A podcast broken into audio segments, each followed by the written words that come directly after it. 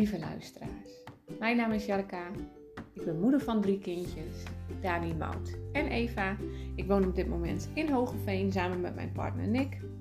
Ik wil jullie graag eh, een kijkje geven in mijn leven en laten zien uh, ja, wat een positieve blik uh, ja, brengt of je kan brengen. En ja, ik deel heel graag mijn, mijn levenservaring en daarnaast eh, ben ik ondernemend en ik start op 1 mei dit jaar start ik uh, als PR-coördinator bij een natuurbegraafplaats. Um, ik ben heel graag in de natuur en dus alle puzzelstukjes vallen nog meer op zijn plaats. En ik heb heel veel zin om daar aan de slag te gaan. En uh, nou ja, daar zullen jullie vast meer van horen. Maar ja, luister gezellig mee zou ik zeggen.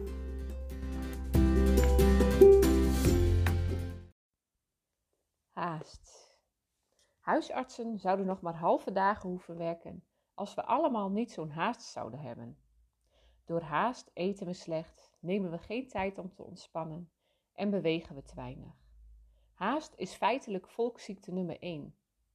De overheid maakt regelmatig televisiespotjes over onderwerpen die de maatschappij schaden. Maar heb je ooit een spotje gezien over de gevolgen van haast? Iets van relax beste burger Waar ben je nou in hemelsnaam mee bezig? Haast is diep geworteld in onze maatschappij. Haast wordt zelfs gezien als statussymbool. Wie geen haast heeft, is blijkbaar niet belangrijk. Daarom is er veel karakter nodig om je te onttrekken aan deze haastmaatschappij. Wie durft er nog te zeggen: dat komt morgen wel? Toch krijg je er enorm veel voor terug als je uit de haastmaatschappij stapt een goede gezondheid, geestelijke rust en nieuwe ideeën. Kortom, meer tijd om van het leven te genieten. Loop langzaam, haast je niet. Elke stap brengt je naar het beste moment van je leven. Het huidige ogenblik. In onze haast om ergens anders te komen, vertrappen we de bloem van het hier zijn. Als het geluk met u is, waarom dan die haast? Als het geluk tegen u is, waarom dan die haast? Dit is weer een stukje uit de gids voor geluksvogels, waar, uh, ja, die ik gewoon even heb opengeslagen op een bladzijde, zonder te weten uh, waar hij op uitkwam. En hij komt uit op, op haast. En uh, nou, ergens ook alweer een mooie bewustwording, want um, ik merk dus aan mezelf, omdat ik dus uh, een jaar lang ook echt rustiger aan heb gedaan. En voor mij is ook echt een sleutelwoord uh, slow. Uh, rustig aandoen. Ik heb ook een boekje met een schildpad. De, de, negen geheimen dacht ik van. Moet ik even kijken welke het is. Wel leuk misschien. de zeven geheimen van de schildpad. Nou, dat is dus om, om ja, ook te leren om rustiger aan te, te doen. Ehm, ik sprak eens een keer bij de zwemles, herinner ik me nog. Sprak ik iemand en die uh, had de ademhaling heel hoog zitten. Was heel onrustig en heel erg in haar hoofd. En uh, of ik daar een simpele oplossing voor had. Uh, misschien een, een ademhalingstool. Of, nou het interessante is dan gewoon, want ja, wat zit daar dan allemaal weer achter? Wij zijn natuurlijk inderdaad in de maatschappij, wij hebben natuurlijk geleerd om altijd maar op tijd te staan, om altijd maar uh, door te gaan, druk te hebben, um, alles maar af te maken. Um, en dan over de kunst van kleine stapjes gesproken. Um, eigenlijk wordt er best snel van ons verwacht dat we, ja, dat verschilt natuurlijk wel heel erg, maar over het algemeen ja, dat we altijd alles. Uh... Ja, ik weet niet zo goed hoe ik dat moet zeggen eigenlijk. Maar uh, nou ja, dat maakt het niet uit. Maar haast. Ik merk dus inderdaad nu aan mezelf, doordat ik dus minder haast heb, dat ik bewuster leef. Uh, nou ja, ook yoga doen, maar ook let op mijn ademhaling. Want alles begint bij je ademhaling. Ik heb het boek Verademing die ik moet lezen van school. Uh, ik moet eerlijk zeggen, ik kom er nog niet helemaal doorheen. Maar dat ligt meer omdat ik altijd andere dingen zie wat ik dan op dat moment interessanter vind. Ik ben nu misschien op, uh, op de helft. Maar ehm, het is wel interessant, denk ik, om te weten dat ademhaling ehm, ja, gewoon echt het, uh, de basis is. Als jouw ademhaling niet goed is, en dat begint uh, ja, bij tellen in, een minuut hoe vaak je ademt. Als dat te vaak is, dan weet je eigenlijk dat je ademhaling dus te snel is. Kortom, dan zit je ook meer in je hoofd, ben je, snel gehaast. Um, ja, en dat werkt door op zoveel vlakken, maar daar staan we eigenlijk helemaal niet zo bij stil. In het boek Verademing bijvoorbeeld, um, ik kan wel even de achterkant voorlezen. Um, veel mensen staan de hele dag aan. Ze ademen te snel en ze verbruiken daarmee onnodig veel energie. Kun jij goed ontspannen? Als je ontspannen bent, adem je 6 tot 10 keer per minuut. Niet meer dan dat. In verademing beschrijven we verschillende manieren om te ontspannen. Met verschillende oefeningen waar je meteen mee aan de slag kunt. Ben je vaak moe? Dan moedigen je ook aan om gedoseerd te sporten. Door sporten te combineren met diepe ontspanning herwin je energie. In dit boek leggen we uit hoe je dat kunt doen. Duizenden mensen gingen hiervoor. In, in deze geheel herziene versie van deze bestseller over ademhaling hebben we ons boek Sporten voor Beginners geïntegreerd en aangevuld. Nou, het is geschreven door Koen de Jong en Bram Bakker. Koen de Jong is uh, initiatiefnemer van sportrusten.nl. Dat is een website over ademhaling, hardlopen en wielrennen. Uh, hij schreef boeken, uh, um, waaronder een internationale bestseller over Iceman van Wim Hof. Uh, nou, dat kent waarschijnlijk iedereen wel, of iedereen, ja. en de hardlooprevolutie met Stans van de Poel. Bram Bakker die is psychiater en publicist. Hij promoveerde op de behandeling van paniekaanvallen. Um, paniekaanvallen. Uh, in zijn vrije tijd loopt hij graag hard en hij is een van de drijvende krachten achter de opleiding Running Therapy. Uh, een opleiding die behandelaars helpt om hardlopen in te zetten bij depressieve patiënten. Nou, eigenlijk is het natuurlijk een super interessant boek. En ook heel goed om te, om, om, ja, om te lezen en om je kennis te verbreden met betrekking tot de ademhaling. Wat dus echt de basis is van ons bestaan. Uh, nu in de op, of, uh, ja, tijdens de opleiding een stukje leefstijl komt het heel erg naar voren. Um, ja, ik mag hem ook even gaan uitlezen. Ja, dat is wel uh, goed. Ik wil altijd, ja, dat, mm, dat misschien herken je het, maar ik wil altijd honderd dingen tegelijk doen. Gisteren heb ik mijn vision board, die ik nog niet helemaal af had, had ik zin aan. Ga ik dat afmaken en lekker in de zon, zeg maar. Nou, dat is prima. Sommige dingen moeten ook gewoon even. Zoals dit boek ook. Ja, ik moet het gewoon even eh, uitlezen, zodat ik ook die kennis in me heb. En dat ik um, vanuit daar weer verder kan uh, ja, met de opleiding. Maar um, ja, haast. Heel interessant vind ik. Want um, als ik wandel, vanmorgen heb ik een uur gewandeld met, met Eva. En normaal gesproken dan loop ik eigenlijk best wel snel. Vanmorgen eigenlijk ook. Maar als ik dus even ga vertragen, en dat doe ik vaak dan smiddags, middag, uh, bij de middagwandeling, dan ga ik vertragen, dus ga ik wat slomer wandelen. En dan, uh, ja, dan merk ik eigenlijk dat dat heel fijn is. Want dan blijft mijn ademhaling gewoon rustig. Ik ben in de buitenlucht. Uh, ik ben wel in beweging.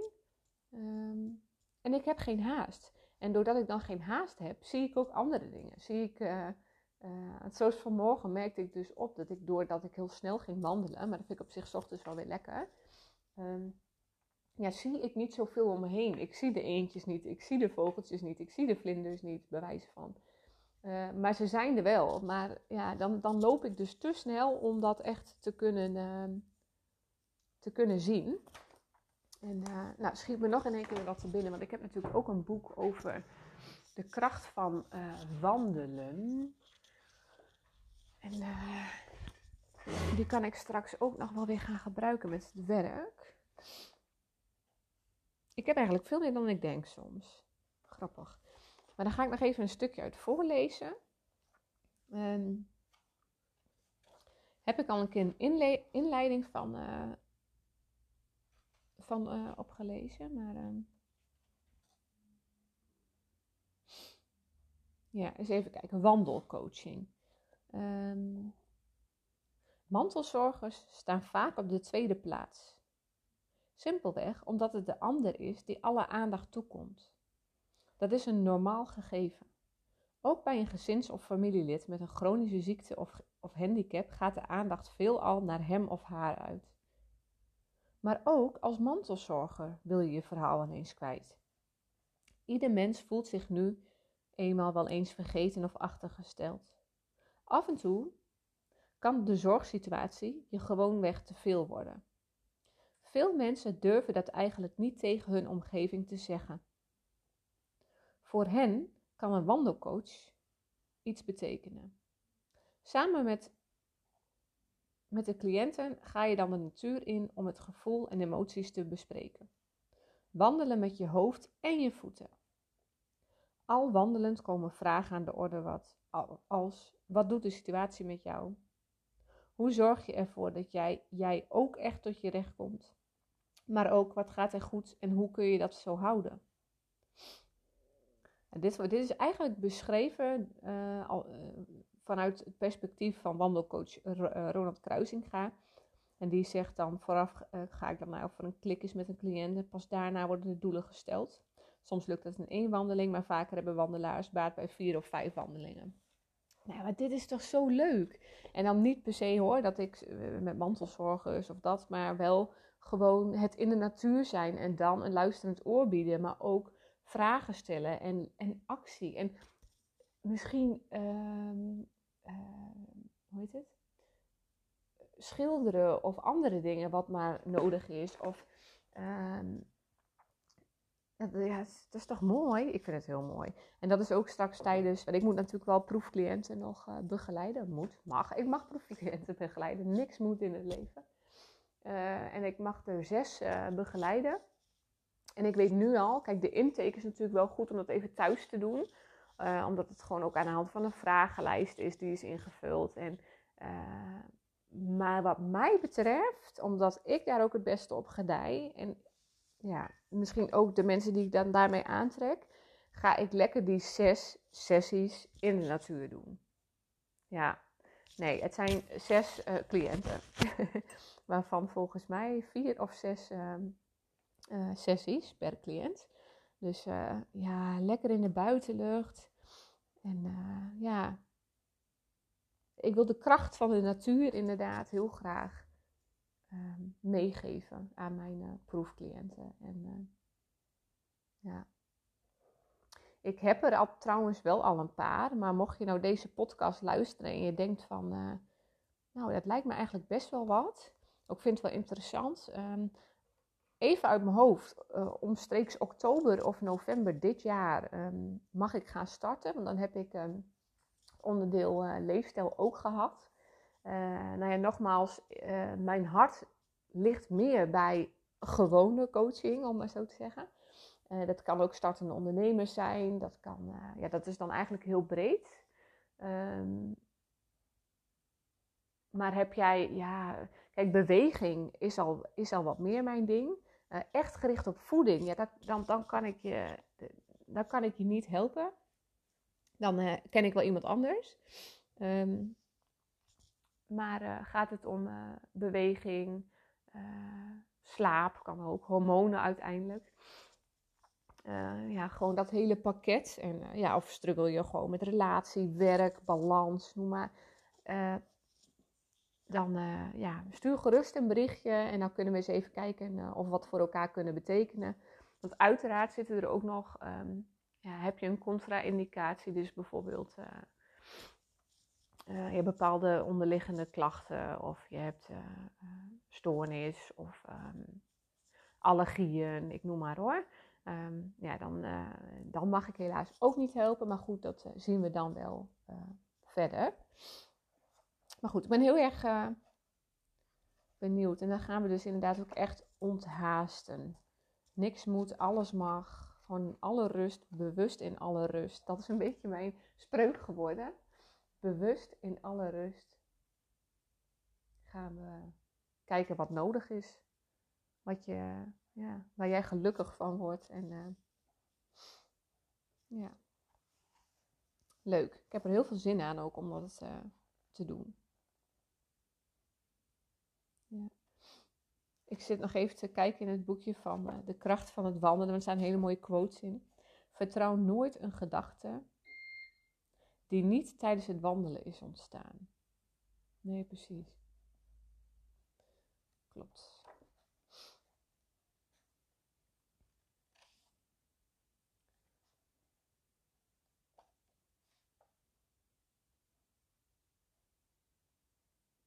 Langzaam lezen. Wie een flink eind met de auto heeft gereden, kan er ineens behoefte aan hebben op een mooie plek uit te stappen en het landschap te bewonderen. Je kijkt dan als het ware naar een foto, zonder er zelf deel van uit te maken. Heel anders is het na een flinke wandeling. Voor de wandelaar is het landschap de beloning voor geleverde inspanning. Als je wandelt, kun je op een heel intense manier met het landschap verbonden voelen. Het wordt in zekere zin deel van je lichaam. Dat maakt wandelen tot een heel lichamelijke gewaarwording. Door te wandelen ontdek je opnieuw het zachte van de traagheid, dat in schril contrast staat met het dronk dronkenschap van de snelheid. Routemaker Rob Wolfs bedacht voor zijn natuurwandelingen, die grotendeels over onverharde wegen voeren, de naam trage tochten. Daarmee geeft hij aan dat je voor wandelen de tijd moet nemen. Te voet gaan staat haaks op de hectiek van het dagelijks leven. Het liefst loopt hij door een afwisselend landschap, bij voorkeur een mix van boerenland en natuur. Aan de wandel zijn is de meest menselijke maat, vindt Wolfs. Het best laat het landschap zich langzaam lezen.